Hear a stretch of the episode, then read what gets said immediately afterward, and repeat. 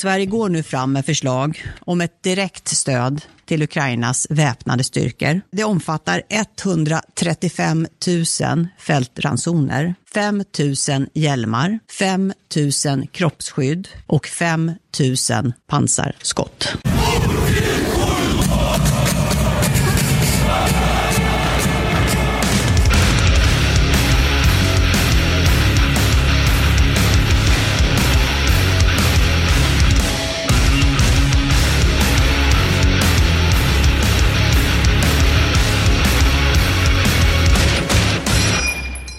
Fantastiska, underbara lyssnare. Och ni som aldrig har hört oss tidigare, jag heter Per Welin och du heter Mattis Bergvall. Det är helt korrekt.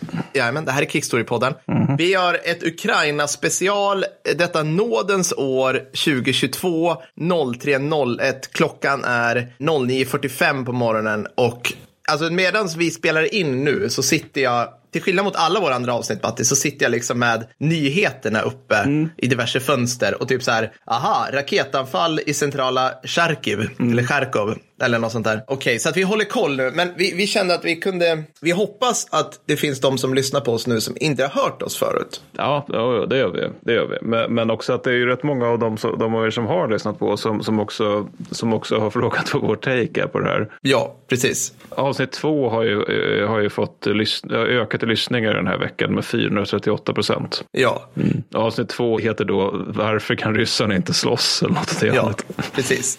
Och nu ska vi bara så här mysa i att vår, eh, det, vi, det, vi, det vi spådde då visar sig stämma med kraft. Ja, nej, men alltså, samtidigt, vi ska ju säga det också, när det här släpps så kanske Kiev har fallit. Vi vet ju faktiskt inte. Alltså, nej, det kanske, det kanske är svampmoln över hela västvärlden. Ja, men det kanske aning. är också så att det, det visar sig att eh, avsnitt två har svarta svanar. Det vill säga att det stämmer för det mesta att ryssarna inte kan slåss, men just i det här fallet så gjorde det. Fast mm. jag vet inte fan. Alltså, det känns som att de långt, så här långt har skött det här ganska dåligt. Ja, lite så. Ja. Vi kommer till allt det här, ska vi säga också. Det jag vill börja med är att säga åt helvete med Putin. Ja, åt helvete med Putin.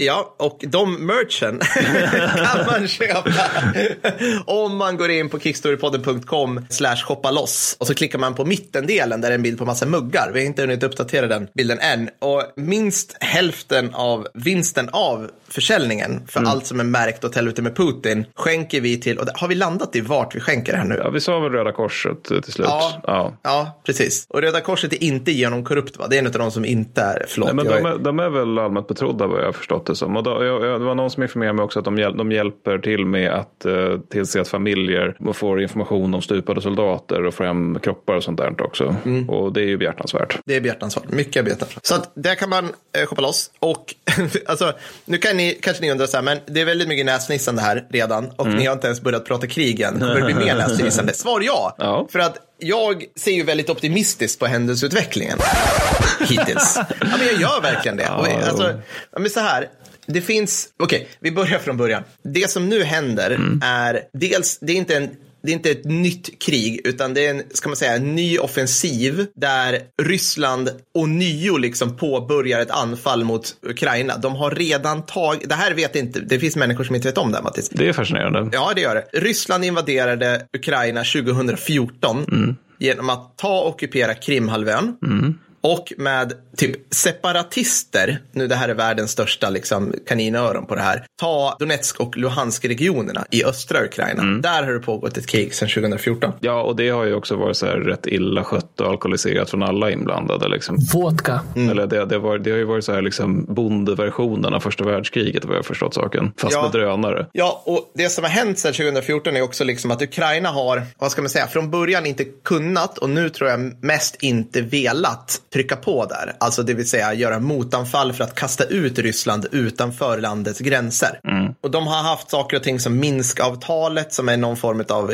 krigs, eh, vad heter det, vapenuppehåll eller vapenstillestånd mm. i några år och sådär. Och det har ju då nu Ryssland brutit mot. Varför har de gjort det Mattis? uh, nej, men det finns väl alla möjliga skäl. Jag tycker inte något av dem är speciellt uh, bra. Men, men, uh, nej, men så här, ett skäl till att ryssarna inte ger sig på Ukraina det är ju att de, de inte tycker om tanken på att Ukraina Ukraina ska vara medlem i EU och eller NATO. Mm. Det ser de som ett säkerhetspolitiskt hot. Och det är det säkerhetspolitiska skälet. Men sen finns det också, jag vet inte, det finns mer så här liksom, det, det, det är lite intressant där för att alltså, det beror på något sätt lite grann vem man frågar. Men, men alltså, det är ju liksom ett, en orsak då. Men, men sen så en annan som, ja men till exempel Timothy Schneider vill jag minnas har framfört är ju att Ryssland aldrig riktigt har accepterat, eller snarare så här, den ryska ledningen. För jag tror att i de här tiderna är det ganska bra med skillnad mellan Ryssland och den ryska befolkningen, så att säga, den ryska staten och den ryska befolkningen. Men att den ryska ledningen aldrig riktigt accepterat att dagens gränser är dagens gränser. Det mm. finns något ryskt talspråk till och med som är var, var slutar Ryssland? Underförstått, det finns inget slut. Mm. För att Ryssland idag är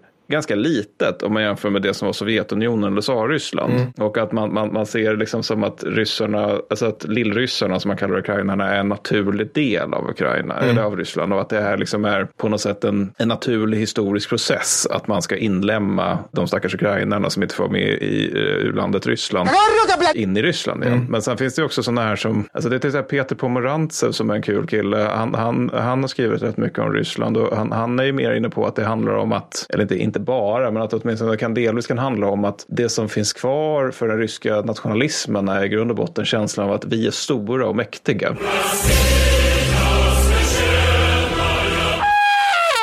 Ja, Precis. Mm. Alltså det, det, det, är liksom, man kan inte gärna ta teknologin som man gjorde under Sovjetunionen. Liksom, för att där är det liksom, då tog man sig till, ut i rymden som första ja. människa och allt sånt där. Medan numera är det mer så här, ja vad är rysk teknologi? Det är lite så BM21 och lite vapen mest. Liksom. Ja. Men det är inte riktigt där som kanske ger den stora nationella stoltheten. Nej. Och sen så är det sport ja de får inte vara med i OS längre på grund av all dop shopping och sen när det gäller kulturen, den har ju Putin stängt ner, så återstår ja. den här liksom känslan av att vilja vara mäktig. Mm. Alltså grejen att det finns ju liksom alla andra saker som, som, som konvergerar för att det ska bli en invasion till slut. Mm. Och sen, sen, jag vet inte, sen finns det väl säkert också att fullt möjligt att Putin har fått lappsjuka och suttit läst Ivan Iljic väl, lite mm. för länge mm. under eh, covid-karantänen och sen fått lite feeling. Mm. Ja, men, alltså, det, här är, det här är det mesta som, liksom, som kommer tillbaka till rätt ofta. Alltså, om du, vill, du som lyssnar på det här liksom försöker sätta en, en slags prägel på det här så är det Alltså, om vi dummar ner det riktigt ordentligt, Matti, så är mm. det, det, är en diktator. En mm. galen diktator som har invaderat ett fredligt demokratiskt land. Ja. Alltså, det är som ett tv-spel.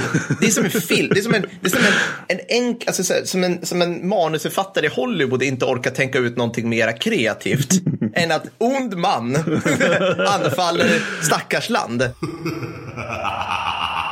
Ja, men vi, vi ska återkomma till det där med Putin som schackspelare. Men, men ja, alltså jag tycker han har verkat så sur och rättshaveristisk på senare tid. Men mm. vi kan ju återkomma till det. Ja, men jag vill bara liksom så att, så att vi har, vi, kommer vara på två nivåer i det här, i det här samtalet. Ja, vi kommer vara de, dels liksom på ni som har hört oss tidigare och liksom det. Och sen kommer vi vara på lilla systernivå, mm. vad jag ska kalla det. Mm. Så att folk som liksom inte förstår vad en bataljonsstridsgrupp är kan lyssna på mig och så kommer jag förklara det. För det är ju sånt här, och nu blir det dags att kanalisera lite pöbelhöger, som jag känner att liksom nyhetsrapporteringen, framförallt den svenska, fallerar. Alltså de vet inte vad de själva pratar om i stor utsträckning när det gäller militära frågor. Nej, det har varit väldigt svårt för, för folk att säga stridsvagn och mena, alltså de säger tanks eller pansarvagn. Jag tror till och med det var någon minister som sa pansarvagn, vilket jag tyckte var lite skämmigt. Ja, ja Hultqvist sa det typ tre, fyra ja, gånger. det var inte liksom. hans största stund. Och det, det, där, för övrigt, vi satt och lyssnade du och jag Mattis på första presskonferensen och då kände man bara så här, alltså nu Maggan, alltså nu är det du bara som, ja vi vet inte, jag ska försöka, vänta, jag ska försöka göra min Maggan-imitation. Ja, alltså, eh, nu vet vi inte om vi ska ge stöd här. Vi får ju kolla, men vi, så borde hon bara sagt så här. Och nu kopplar vi över till överstelöjtnant Andersson över luftrummet i Ukraina. Ja, ja, fru statsminister. Där släppte jag iväg min fjärde meteorrobot för eftermiddagen. Plockade ner min sjunde IL-76. Ja, man kan säga att... Vi... Mycket skrot som regnar ner nu. Ja, mycket rysk skrot som regnar ner. Vänta, jag ska bara gå, ge mig lite kurvstrid mot de här trötta MIG-29. Tack ja, så mycket. Härligt. Det hade varit härligt. Ja, men liksom, om, om Eller bara kör, nu över alltså... till Soggen, överstelöjtnanten Henriksson befinner sig nu i Kreml. Ja, precis. Tillsammans med Soggen. Ja, Hans helmet kan visa döda oligarker. Det hade ju varit härligare. Vänta, jag ska bara kasta lite handgranat och rensa lite rum. Ja, eh, vi ser din hjälmkamera här. Kaptenen, kan du... Vad händer nu? Ja, vi ska hitta den där jäveln. Vi har, vi har återupprättat drabantkåren, som för övrigt Soggen borde heta. Vi bara, jag har sagt det i tidigare avsnitt. Det borde heta drabantkåren. Så, att, så att det här borde vi Nu har vi ju skickat, as we speak, lite pansarskott. 5 000 totalt. 5 000 totalt. Vi har skickat kroppsskydd. 12 vi hade tydligen kroppsskydd 12, 5000 liggandes i förråd. Fuck you, Försvarsmakten som inte har delat ut de här kroppsskydden. Ja. Alltså på riktigt, det här, det här blir jag så här, jag blir trött i ögat över det. Jag vill ha, jag vill ha svar av Mikael Frisell. Jag blir rättshaveristisk skrikande i en podd här, men Just det skiter jag i. Ja, ja. Men, men angående det här med vad vi vet och vad vi inte vet, ja. ska vi prata lite grann om det där med propagandakriget? Ja, ja. det kan vi göra. Jag tycker du, men, du menar det som vi bygger hela den här praten ja, på? Ja, alltså, det är det som är problemet. I vanliga fall pratar vi om historia. Ja. Och då är det ändå så att det är hyfsat utrett, liksom, hur många var de, hur många dog, var var de, varför ja, och så vidare. Sånt som är vårt levebröd, Mattis. Ja, det vill säga, ja, och det här är ju inte så, utan Nej. det här är ett pågående krig, mm. vilket innebär att det finns typ ingen bra information Nej. egentligen. Eller så här, men du har ju också sett det, för det dröjer så otroligt mycket på sociala medier. Du vet så här, kolonner med ryska fordon som är utslagna. Mm. Och grejen att, ja det kan absolut vara sant. Mm.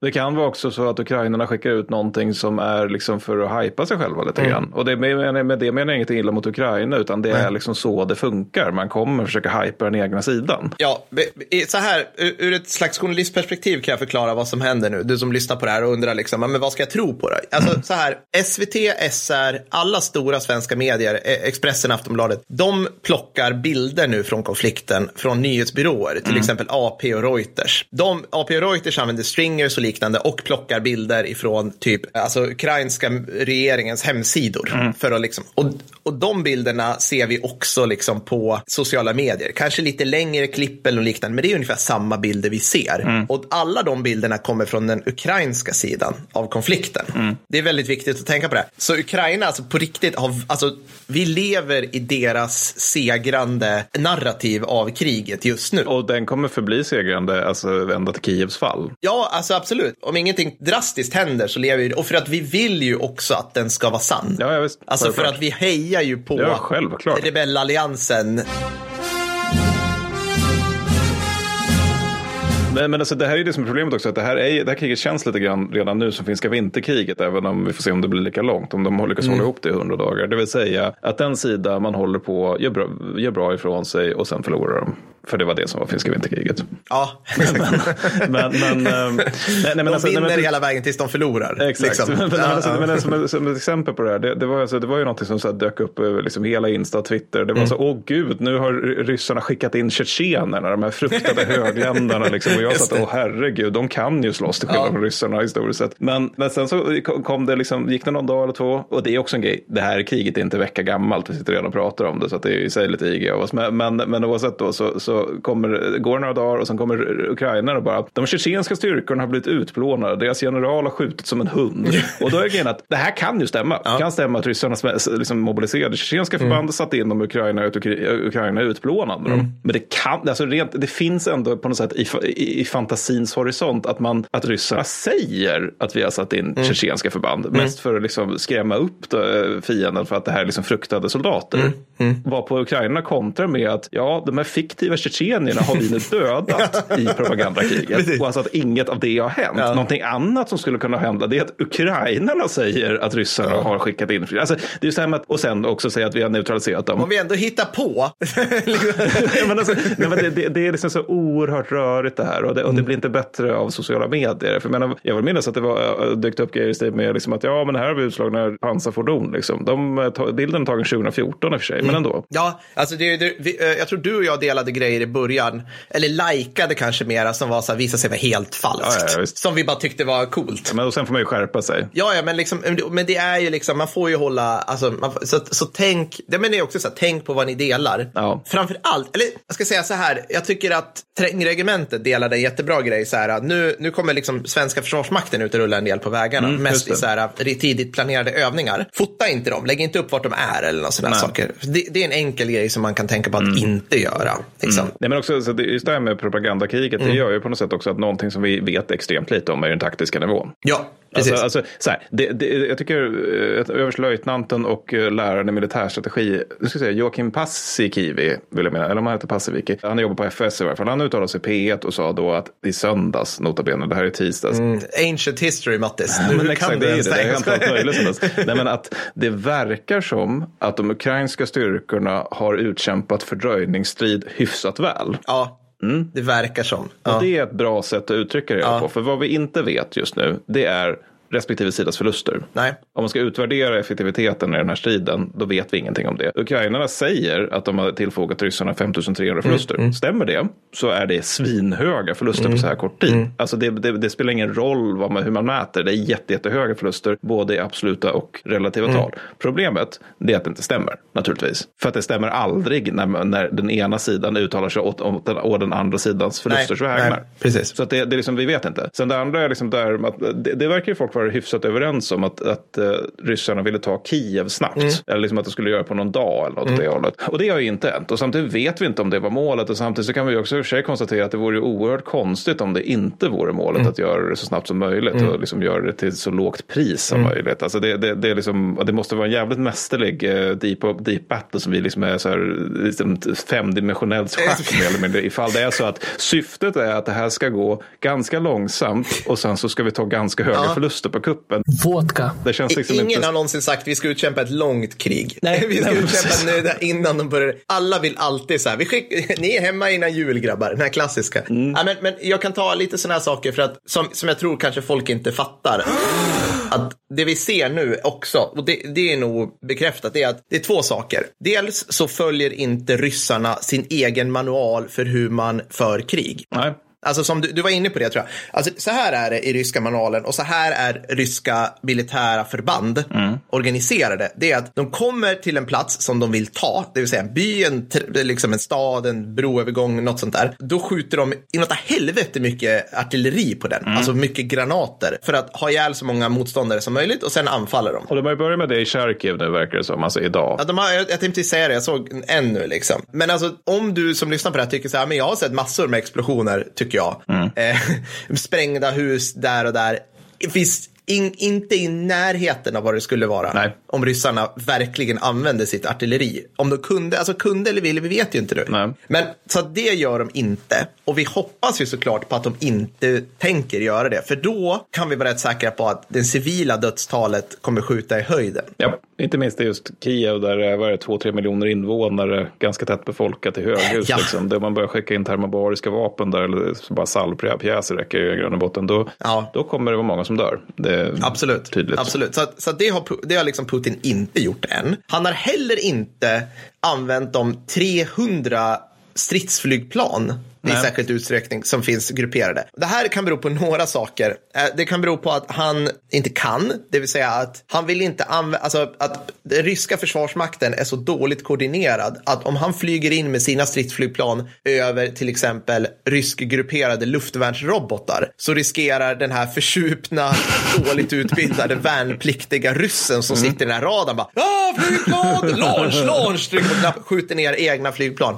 Det här kallas för så här deconflicting airspace och det är svårt. Alltså det tycker NATO-länder är svårt också. Det andra kan vara att han helt enkelt att de har brist på, att de har brist på må, alltså så här, målsökande bomber som ska träffa liksom pinpointa, där är en ukrainsk bunker eller ukrainsk stridsfordon, där släpper vi bomben. Alltså mot, om ni tänker dumma bomber som är andra världskrigsbomber, alltså man flyger typ över och bara nu släpper vi dem och så ramlar de rakt ner. Får man se var de landar någonstans. Typ så. Han har brist på det, vilket gör ju att om han sätter in stridsflyg, då, måste, då vet han att de kommer komma lite överallt. Och återigen, civila kommer dö. Jag jag läste någon brittisk analys som också menar på att det ukrainska flygvapnet fortfarande existerar, vilket i sig är galet. För jag, Ja. det, det här är, ja, jag vet inte, det, ja, vi kanske återkommer till det. Många militäranalytiker och alla på Försvarshögskolan, alla som du hör, de sliter sitt hår lite grann just nu kan vi säga. Om du som lyssnar, in, liksom, de förstår de att det här, så här ska inte de bete sig. Nej, nej, men alltså, det är nej, men det var just de här britterna menade på att det var, jag tror de britter i alla fall, Mm. apropå dåliga källor, det är att ryssarna håller sig till flygoperationer liksom under mörkret i grund och botten för att undvika eh, ukrainskt flyg. Å andra sidan så är det ju så att när, när vi spelar in där så är det en sex mil lång rysk militärkonvoj som står över 30 kilometer från Kiev centrum eller något åt det hållet. Och om, om amerikanerna har kvar flyg och drönare, Mm, exakt. då skulle de nog inte stå så tätt grupperade, tänker jag. Men det finns en risk för det. Och å andra sidan kan det ju vara så att det här bara ytterligare ett ryskt logi- logistikhaveri, Ja. att de inte får fram drivmedel.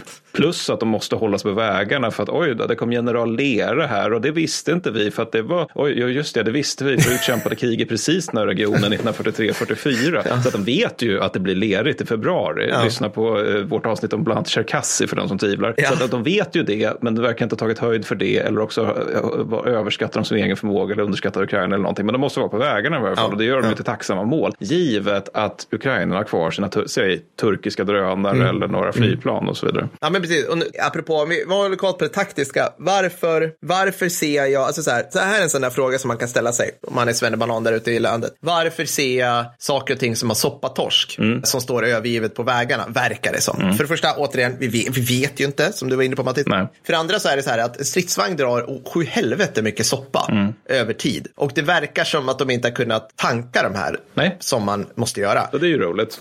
Ja, och jag tror att ni kan lyssna på vårt krig är tråkigt avsnitt om ni vill höra om logistiks betydelse för krigföring. Ja. Men, men, men, men, det är också... Men det betyder mycket. Nej, för det där är ju också, det där är ju någonting man ändå kan bedöma hyfsat. Det är ju framryckningshastighet. Alltså mm. Man kan bedöma en, en militär, militär operations effektivitet via förlustratio till exempel, måluppfyllelse och även framryckningshastighet mm. och typ några andra också. Men, mm. Och framryckningshastigheten verkar vara ganska långsam. I alla fall om man mm. säger Charkiv. Där mm. är det ju så här, liksom, okej, okay, men det är 30 kilometer från ja. gränsen. De kom dit i söndags. Det är alltså det, och sen menar, mellan Kiev och, och, och uh, vitryska gränsen, där är det ju lite längre. Men det är fortfarande så att det är, och är likaså från, nu ska vi se, från, från det rysk ockuperade Krim och Cherson. Där är det också mm. så här lite längre, jag minns inte hur många kilometer. Mm. Men det verkar ju som att de upprätthåller det här stolta rysk-sovjetiska marschtempot på 15 till 20 kilometer per dygn. ja. eller sånt där det är lite kul, för jag såg så här lite amerikanska Twitter-tyckare som, som är på Rysslands sida då, för att de är landsförrädare eller någonting. Det är ju lite, lite mer ovanligt i Europa kan jag för sig notera. Och de, de, de jämför det här med Barbarossa. då vill jag nu på, påpeka att under Barbarossa så var framryckningstempot på 70 kilometer per dag i regel. Mm. 70 kilometer. Mm. Ja, eller i varje fall första veckan. Mm. Det var någon pansardivision som var, jag tror var 55-56 mil in i Sovjetunionen efter en vecka. Mm. På 40-talet. Mm, det, det är också, ja, med tysk logistik. så det är också ett framryckningstempo. Ja. nej, men så att jag menar, utifrån det så verkar det som att det, det, men det är också så mycket som är så konstigt med det här. De verkar alltså gått in i Charkiv med lätta spaningsförband snarare än med tunga grejer. Mm. Alltså det är mycket som är obegripligt med det. Mm. Men ska vi ta det med schackspelaren då, så att det inte blir för långrandigt. Ja, men så här, är Putin den stora schackspelaren i det här som, som har gjort saker och ting som vi inte förstår? Han har dragit oss vid näsan hela västvärlden och snart kommer det här fenomenala avgörandet som ingen såg komma.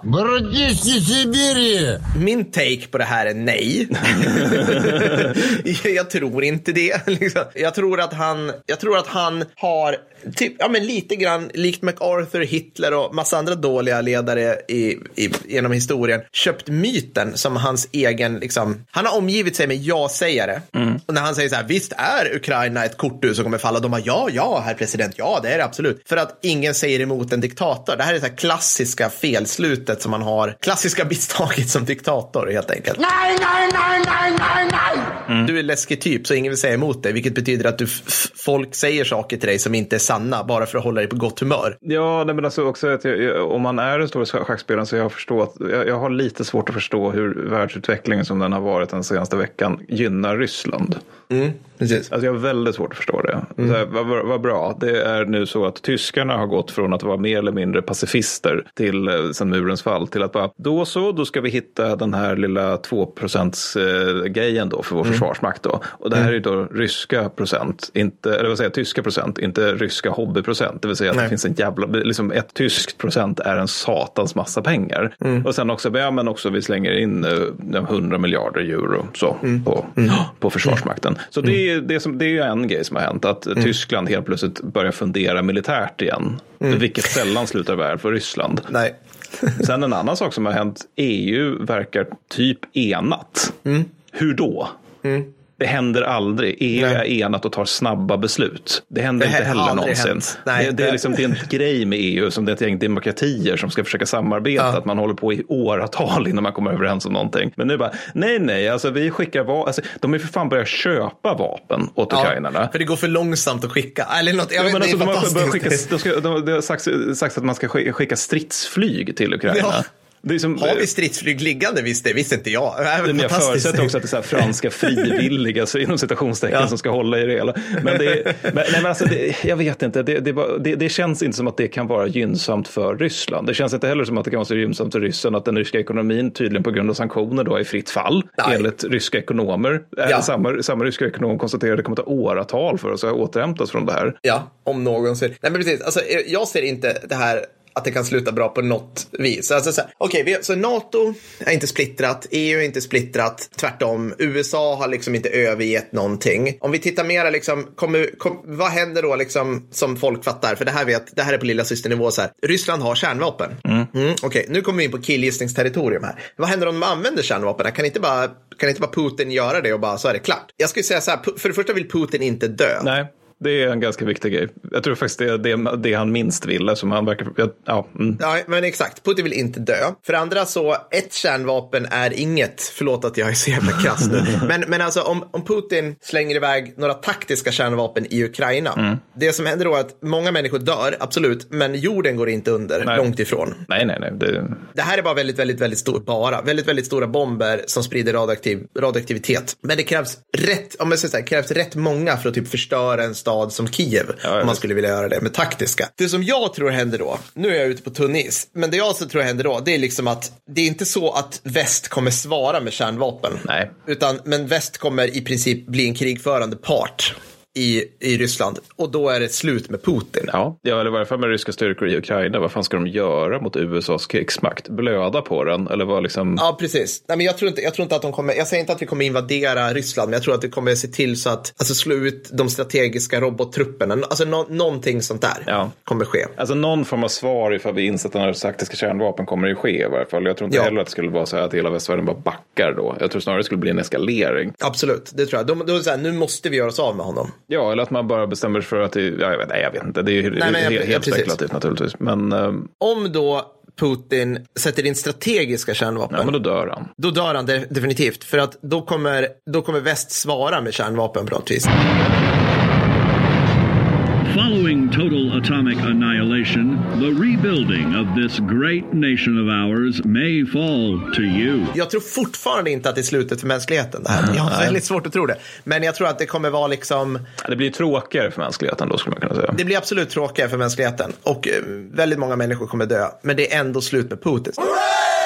Så att det jag försöker säga är, eh, det, hur man än vänder och vrider tror jag att det här är slutet för Putin. Jag tror att det är början på slutet på hans regim. Ja, kanske. Men, men, men, Det är därför jag är men- så positiv och sitter här och fnittrar men- om kärnvapenkrig. men oavsett så, jag har liksom lite svårt att se också utifrån det här då med att sanktionerna har blivit ganska ordentliga. Ruben verkar liksom vara värd ungefär pappret den är tryckt på. Zimbabwiska dollar. Ja, det, ja, Den men kanske inte. Nej, men alltså det, det går ju ut för, för den ryska ekonomin verkar det som i alla fall. Mm. Utifrån det då, att man ska ockupera delar av Ukraina, även om de vinner imorgon. Ja, ja det är precis. dyrt. Och det kommer vara mycket folk som behöver vara där i så fall. Mm. Sen en annan grej då, om det inte är så att de vinner imorgon utan att de måste hålla på med det här kriget i, säg en månad till.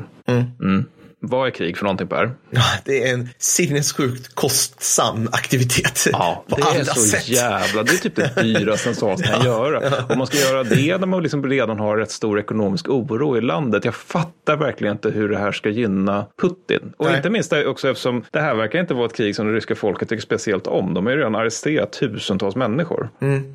För att de demonstrerar eller protesterar mot kriget. Och, alltså, det, menar, och det, det var ju någon analytiker som jag lyssnade på som menar på att det är en liten skillnad från när de tog Krim. För det var ju så här liksom att rysk statskontrollerad media bara, ja men det föregår folkmord på, mot ryska, ryskspråkiga på Krimhalvön. Vi måste ingripa och liksom Ry- Rysslands befolkning bara, ja självklart. Och man har liksom försökt trumma upp den stämningen också. Det, alltså att man, man pratar inte om krig inför det här kriget, utan man pratar om fred och att Ryssland vill upprätthålla freden. Men tråkigt nog då så är det ju så att de här som styr i Kiev är nazister och eh, typ så här våldtäktskannibal, pedofilknarkare också.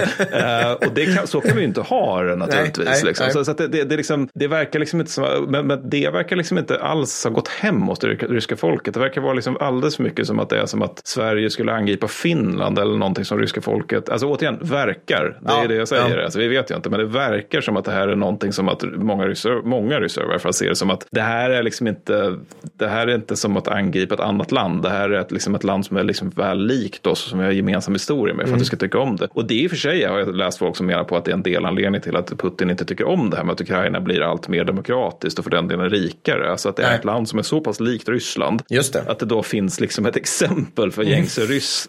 När gängse ryss frågar sig då varför har jag så lite pengar? Varför super vi ihjäl oss hela tiden? Varför dör vi i bilolyckor hela tiden? Varför är vår mord, mordfrekvens typ åtta gånger högre än Sveriges?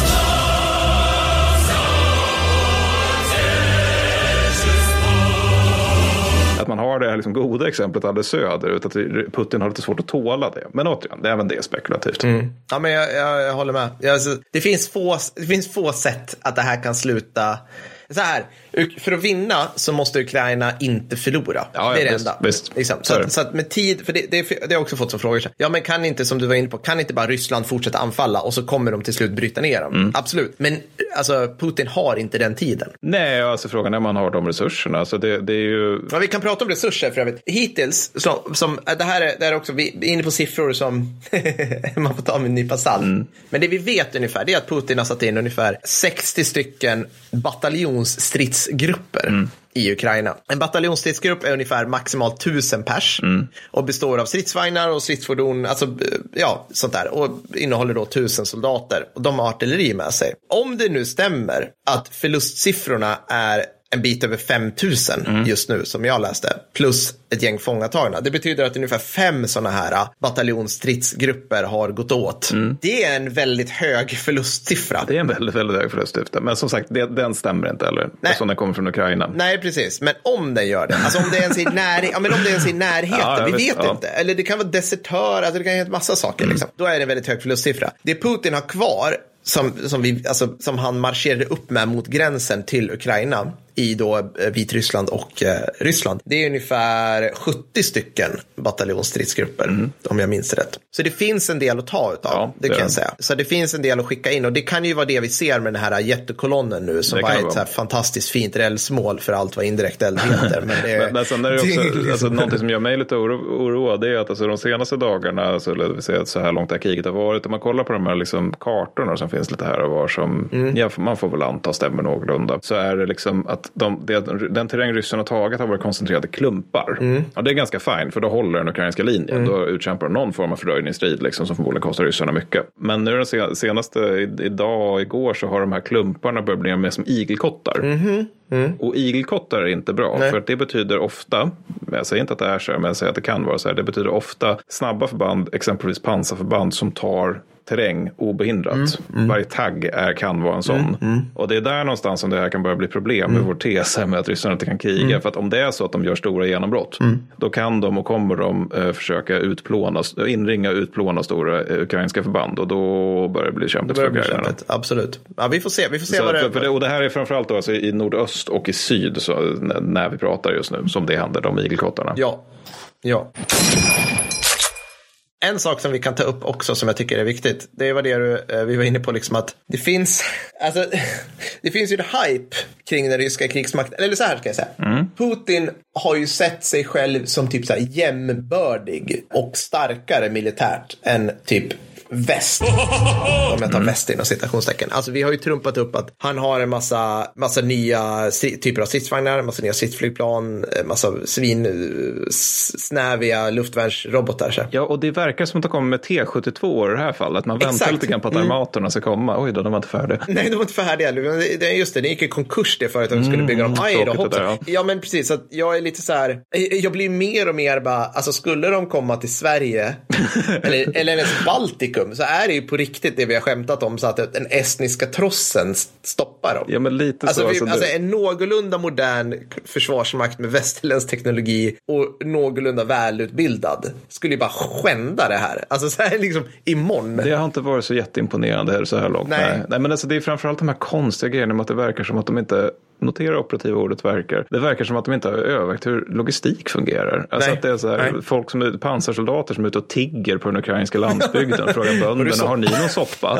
liksom, vad fan, det, det, det, det, är så konstigt det här. Alltså jag, jag, förs- jag, jag, jag har sett en del så här internetkrigare, framförallt amerikaner då för sig, men som bara tycker att ah, ja, men det här är ingen fara för att ryssarna har liksom inte försökt på allvar än. Nej. Och då undrar jag lite grann, alltså det måste ju vara den här deep operation grejen då som jag inte riktigt förstår grejen med då, alltså att de har tänkt till något så inåt helvete att de har misslyckats med koncentration. Mm. Men det är alltså steg ett i anfall mer eller mindre. Alltså att du vill, du vill koncentrera stora starka styrkor Mm. mot helst svaga mål. För, för det verkar ju liksom inte som att de har gjort det. Det verkar som att Mm. de har liksom echelon-tänkande med lätta grejer först och tunga grejer sen. Mm. Och sen hoppas de på att de lätta grejerna ska klara att ta terräng utan logistiskt underlag. Eller förstår du vad jag menar? Ja, jag förstår. Exakt. Jag, jag försökte, alltså, innan, innan det avsnittet tänkte jag, ska vi gå igenom alla de, liksom, vad ska man kalla det, krigslagar eller krigsprinciper för ett lycka, alltså för hur man för krig. Och alla de som, som Ryssland har brutit mot, som även står i sin egen bok. Ja, ja, liksom. visst, alltså, visst. ta alla luftlandsättningar. Det är liksom så här, ja, nu släpper vi, nu sätter vi land så här, ett par hundra fa- fallskärmsjägare här borta vid den här flygplatsen. Så står de där. Och så bara, jaha, vad gör vi nu då? oj då, det kommer ukrainskt Ja, oj, det blir market garden här liksom helt plötsligt. Ja, men det, det finns liksom, det är så otroligt många, kallar liksom grundläggande misstag. Alltså som typ så här, någon som läst på försvar, eller någon som liksom läser till officer lär sig så här första veckan. Mm. Alltså så här, förordet till Clausewitz. Jag vet inte vad jag ska säga. Googla krig. Det så här, tre första raderna är så här. Gör inte så här. Rör, gör så här för att vinna. Jag, gör liksom. in, jag blir inte mer oroad av Ryssland för det här om man säger så. Alltså Nej, det, det, nej, det blir jag inte. menar, en förklaring som anförs är att de håller på att slösa bort rätt mycket pengar på att försöka ha en stormaktsflotta. Mm. Alltså de, lägger med, de spenderar ju väldigt mycket pengar på sitt försvar, eller försvar, eh, vad man nu ska kalla det, sin krigsmakt. Mm. Men rätt mycket av det äts ju upp av att de har en, flotta som är liksom dimensionerad för typ Sovjetunionen Mm. eller ett riktigt land snarare än, än Ryssland. Medan det här är ju framförallt arméoperationer då. Att Mm. det liksom är på något sätt så att ja, de har ju grejer. Mm. Men det är liksom inte när, man, när det är vad nu är 4,5 procent eller sånt där den ryska BNP som går till, går till, till krigsmakten. Mm. Så är det liksom inte man ska inte tänka att det går uteslutande till armén, alltså det som de använder i Ukraina just nu. Eller det som de skulle använda mot sig Polen ifall nej. de skulle angripa Centraleuropa.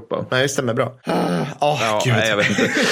nej, vi får väl se. jag vill bara, får vi, får, kan vi lägga in marseljäsen här?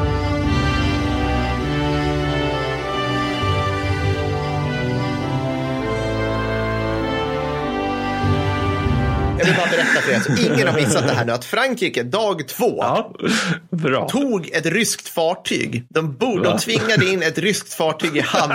Det, här, men det, var så, det var så underbart. Var liksom, vi ska införa sanktioner mot Ryssland. Frankrike, vad, är ni med på det här? Ja, ja, ja. Alltså, vi har redan upprättat blockad. Ja, men vänta ta nu. Vad har ni gjort? Så, att, så att det var ett, jag älskar det. Det var så här ryskt, för, ryskt fartyg som hade, hade bilar och på väg till Sankt Petersburg. Franska flottan bara, no, no, passa on. Och så bara in i hamn. Jag tycker det var fantastiskt. Fo- Mer sånt för helvete. Ja, ja liksom. men alltså, det är ju stängt luft, luftrummet för typ allt ryskt flyg nu i Ja. nästan hela Europa. också. Det är också en sån här grej. Schweiz är med på sanktioner mot Ryssland. Ja. Schweiz tar ställning och det innebär ju typ så att inga oligarker har pengar nu. De som håller, de som håller eller det har de, men alltså de, de de har svårt att nå sina tillgångar. Eller Mm, bara säga att de, nu så ska jag inte vara med mina barn i Saint-Tropez. Nej.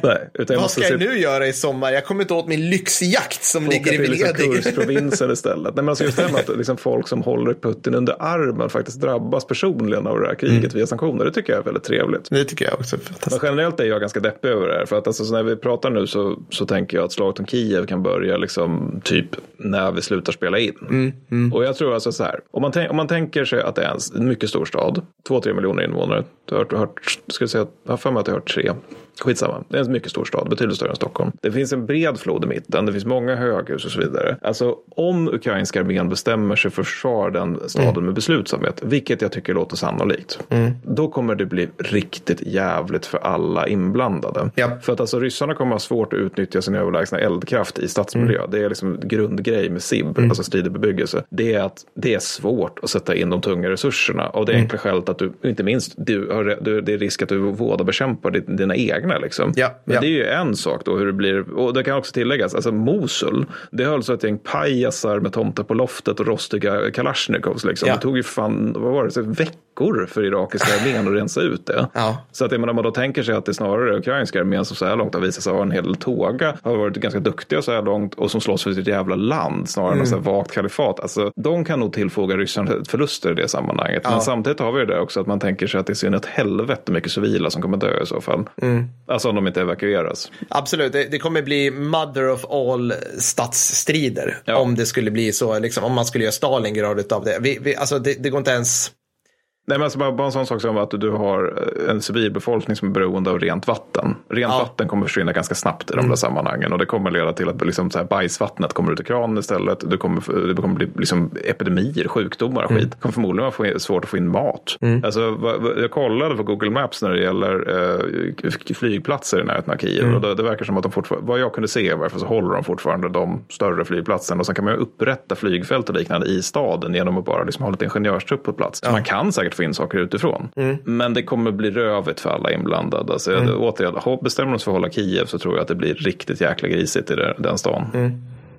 Men mest grisigt för ryssarna. Ja, för det är ja, de som ja, anfaller. Förmodligen kommer det bli det. Och det, en sak vi ska tänka på det är liksom att för va, alltså, så här är det om man ska vara riktigt krass. Att någon gång hade vi, vi, och det säger jag väst, alltså demokratier, hade vi förmodligen varit tvungna att ta den här striden eller kriget med Putin på något vis. Liksom. Det jag hoppas på, ja, vad hoppas jag på egentligen? Att han avgår och att det, alltså, det slutar fredligt så fort som möjligt såklart. Liksom. Ja, om det inte slutar fredligt med en gång så hoppas vi väl att tesen i avsnitt två håller. Alltså att ryssarna inte kan slåss. Ja. Och alltså att de fortsätter vara inkompetenta. Alltså, Ja. Vilket är liksom det historiska draget de har när det gäller krigskonst. Precis. vi hoppas på det. Eller framförallt ineffektiva, slösaktiga. Ja, jag tycker det. Ja, ja absolut. Coolt. Nu måste vi, ska vi kolla om något nytt har hänt. Uh, da, da, da. Inget särskilt. Nej, nej det. Och där kan ju tilläggas då att det här är vårt mest aktuella Ja. och inaktuella avsnitt på samma gång. Eftersom det är aktuellt, eftersom det är samtid och det är inaktuellt eftersom vi släpper det här efter att vi har spelat in det. Ja, Och inte med en gång. Nej. Så att det innebär att det kommer, det, typ inget av det vi säger kommer stämma när det här går ut. jag tycker, det är, jag tycker det är jättekul att göra sådana här saker. Jag tycker det är fantastiskt. Så hoppas vi bara att så här, Maggan börjar skicka ner så här, frivilliga flygförband nu. Och frivilliga. Ja, men liksom typ så här, svenska andra brigaden bara, eh, nej men ni råkar bara, jaha, eh, ni vill ta tjänstledigt, vill ni det? ja, Alla ja, nickar, absolut, ja. absolut. Så här, men de som dyker upp här, med, de har snott all, alla stridsfordon 90, alla stridsvagnar dyker upp här. vid- Men letterna har ju sagt att det är okej för lettisk medborgare bara åka. Liksom. Alltså att det är bara att köra hårt. Maggan har ju sagt så här att vi värderar inte det. Vi tar inte ställning, så det är absolut inte förbjudet. Nej. De bara säger så här, "Nej, vi ser ingenting. Nej. Det är fantastiskt. Ja, men det blir bra. Jag hoppas ni uppskattade det här. Ja, skriv gärna vad ni tycker om det här. Dela det här till liksom din eh, med morsa, eh, flickvän, lillsyrra, clueless, polare, kollegor och sådär. Så försöker vi ge liksom ett, en, en bild av det här och eh, ja, så är det. Ja, då så. Slava Ukraina. Indeed. Hej då! Hej då.